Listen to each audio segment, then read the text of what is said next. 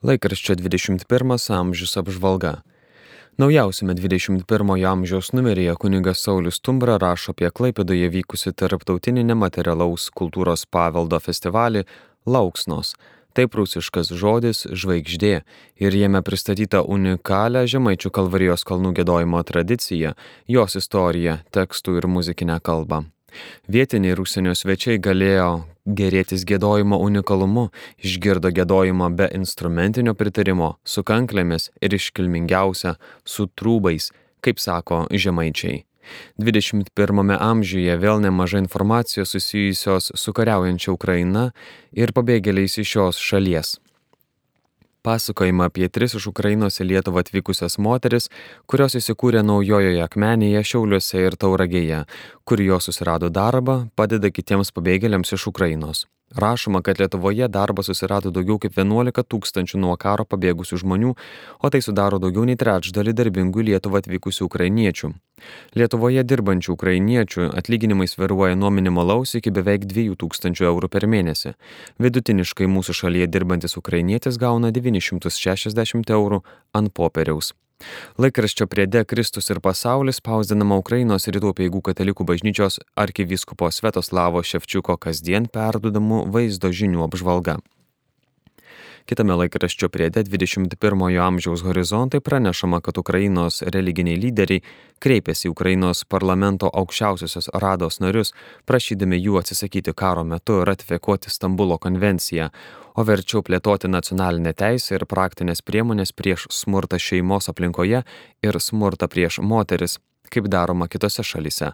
Bandymai ratifikuoti Stambulo konvenciją karo metu ir priešingi požiūrį visuomenėje dėl tokios iniciatyvos tik sukels naują visuomenės protestų bangą, nepasitenkinimą.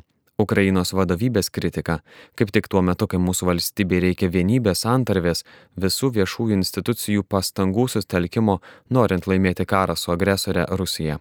Rašoma praktiškai visas Ukrainos religinės bendruomenės vieniančios organizacijos pareiškime.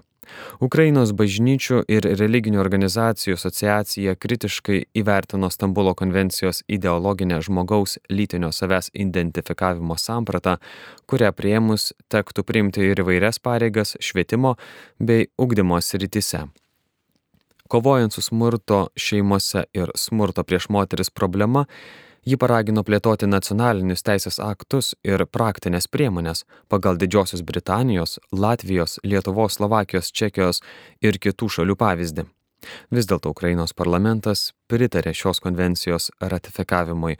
Užbalsavo 259 parlamento nariai, prieš balsavo tik 8. Neoficialiai kalbama, kad kai kurios ES valstybės narės reikalavimą ratifikuoti Stambulo konvenciją neviešai išreiškia kaip esą būtina sąlyga, kad būtų patvirtintas Ukrainos kaip kandidatės į ES statusas. Skelbiama, kad Europos parlamentas užsakė specialią Eurobarometro apklausą apie tai, kaip vertinama ES. Sužinota, kad vykstant karui Ukrainoje europiečiai vis labiau pritarė ES. Tokių yra beveik du trečdaliai europiečių, tai yra 65 procentai, o labiausiai palyginti su praėjusiųjų metų rudenį atlikta apklausa, net 20 procentų ši parama išaugo Lietuvoje, net 82 procentai lietuvių palankiai vertina narystę ES. 21 amžius rašo, kad tarptautinės migracijos organizacijos duomenimis 2020 metais pasaulyje buvo apie 281 milijoną tarptautinių migrantų, tai yra 3,6 procentai pasaulio gyventojų buvo išvykę iš savo šalių. Lietuvos gyventojai jau nuo XIX amžiaus aktyviai migravo ieškodami geresnio, o pokariu ir ramesnio gyvenimo. Tai daro ir dabar, nors norintys užsidirbti gali tai padaryti ir Lietuvoje. Ar migruoti skatina per šimtmečius susiformavęs migrantų genas? Specialistai sako, kad greičiausiai taip. Vien nuo 1989 metų, kai Lietuvoje gyveno 3 milijonai 690 tūkstančių gyventojų, jų skaičius sumažėjo beveik milijonu. Jau XIX amžiuje pagal migracijos mastą Lietuvą lenkė tik Airija ir Škotija. Nuolatinė ekonominė emigracija iš tuometinių lietuviškų gubernijų prasidėjo 1867 metais po nederliaus ir bado tuo metu pradėta emigruoti į Junktinės Amerikos valstijas ir Rusijos imperiją. Kita didelė migracijos arba tiksliau pabėgėlių banga kilo baigiantis antrajam pasauliniam karui. 1991 metais Lietuvai atgavus nepriklausomybę migracija vėl suaktyvėjo. Ieškodami geresnio gyvenimo, pasinaudodami galimybę išvykti vakarus, vykti pas užsienyje įsikūrusius savo giminės, daugelis traukė į Šiaurės Ameriką, Australiją, Jungtinę karalystę. Nesitikima, kad daugelis jų grįž. Apžvalga parengė laikraščio 21 amžius redakcija. Maldinėlė Magnificat pristatymas. Šį Liepos mėnesį iš viršelį mus žvelgia Žemaičių kalvarijos Dievo motina, visų mūsų didelius ir mažus sunkumus patiriančių motina, taip pat tituluojama krikščioniškų šeimų karalienė. Jau baigėsi popiežiaus pranciškaus paskelbti Amoris Leticija metai, bet gyvenimas šeimose tęsiasi. Ar pastebėjote, kad šiame popiežiaus dokumente praktiškos išminties ir realistiškumo yra labai labai daug. Pasklausykime. Nenaudinga fantazuoti apie idilišką ir tobulą meilę. Nes tada nebėra jokios paskatos aukti. Tobulų šeimų, kokias mums pateikia apgaulinga vartotojiška propaganda, nėra. Santokinis džiaugsmas išgyvenamas net tarp skausmų verčia pripažinti, kad santoka yra būtinas džiaugsmo ir vargo įtampos ir atvangos, kančios ir išlaisvinimo, pasitenkinimo ir troškimo, susierzinimo ir malonumo derinys, tačiau visada kelyje į draugystę, kuris skatina sutuoktinius rūpintis vienas kitu. Santokinis ryšys atranda naujų būdų, reikalauja vis iš naujo apsispręsti jį sutvirtinti, tačiau ne tik tam, kad būtų išsaugotas, bet kad ir auktų. Jei šeimai pavyksta sutelkti dėmesį į Kristų, jis suvienyje ir apšviečia visą šeimos gyvenimą. Skausmai ir sunkumai išgyvenami bendrystėje su viešpaties kryžiumi, o jo apkabinimas leidžia pakelti blogiausias akimirkas. Karčiomis šeimos dienomis būtent vienijimasis su apleistu Jėzumi gali padėti išvengti santykio nutraukimo. Paklausę šių popiežiaus žodžių vėl grįžtame prie minties, kad didžiausiuose gyvenimo sunkumuose mūsų vilties ženklas yra Kristaus kryžius ir dangiškosios motinos globa. Tad semkime iš šio šaltinio melzdamiesi ir vasarą, ar lankytumėmės atlaiduose, ar ilsėtumės gamtos prieglopstį.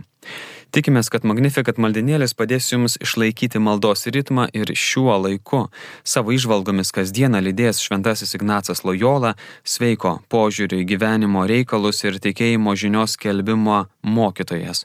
Plačiau apie jo gyvenimo momentus pasakoja Jūratė Micevičiūtė. Žemaičių kalvarijos Dievo motinos paveikslą, jo istoriją išsamei aptarė daktarė Dalia Vasiliūnenė. Liturgijos rubrikoje toliau gilinamės į šventųjų mišių dalis, šį kartą panagrinėsime patį mišių pasisveikinimą, jo tekstus ir prasmes. Popiežius Pranciškus šio mėnesio intenciją skiria maldai už pagyvenusius žmonės. Norėčiau Jums pasakyti, kad net vyresnio amžiaus žmonės yra bažnyčios dabartis ir ateitis.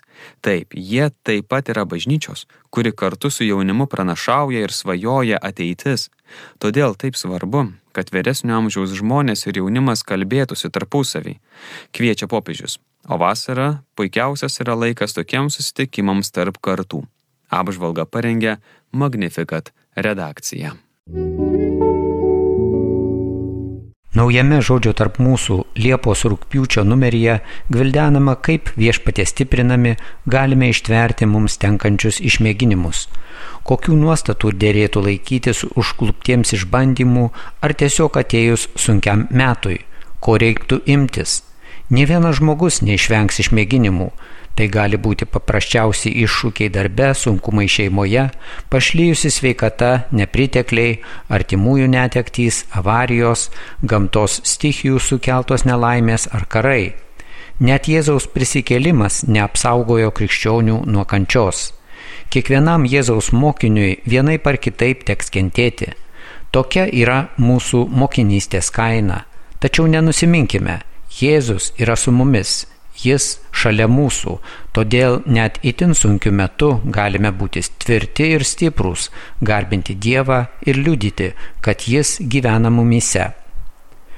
Žodžio tarp mūsų skaitytojams siūlomos kelios praktikos, padedančios ištverti išbandymus. Tokiu metu itin svarbu atkakliai melstis, nelikti vienam, keliauti draugė su bendruomenė, įdėmiai ieškoti viešpaties palaiminimų, vengti viską pernelyg supaprastinti ir tvirtai laikytis vilties, kad viešpats vieną dieną nušuostys kiekvieną ašarą nuo mūsų akių ir nebebus daugiau nei mirties, nei liūdėsio, nei sielvarto, nei aimanos. Viename iš žodžio tarp mūsų straipsnių toliau pasakojame apie Ukrainą, šį sįkį daugiausia apie katalikų bendruomenės šioje šalyje per pastaruosius 34 metus. Kaip ir visada, svarbiausia kiekvieno žodžio tarp mūsų numerio dalis - kasdienės liturginių skaitinių meditacijos. Jos lydės jūs iki pat vasaros pabaigos, primindamos dosniai Dievo žeriamus palaiminimus, kviesdamos įsiklausyti į jo balsą ir atsiliepti meilę. Žodis tarp mūsų te būna su jumis ilsintis ir dirbant, liūdint ir džiaugiantis te uždega ir te sustiprina jūs Dievo žodis.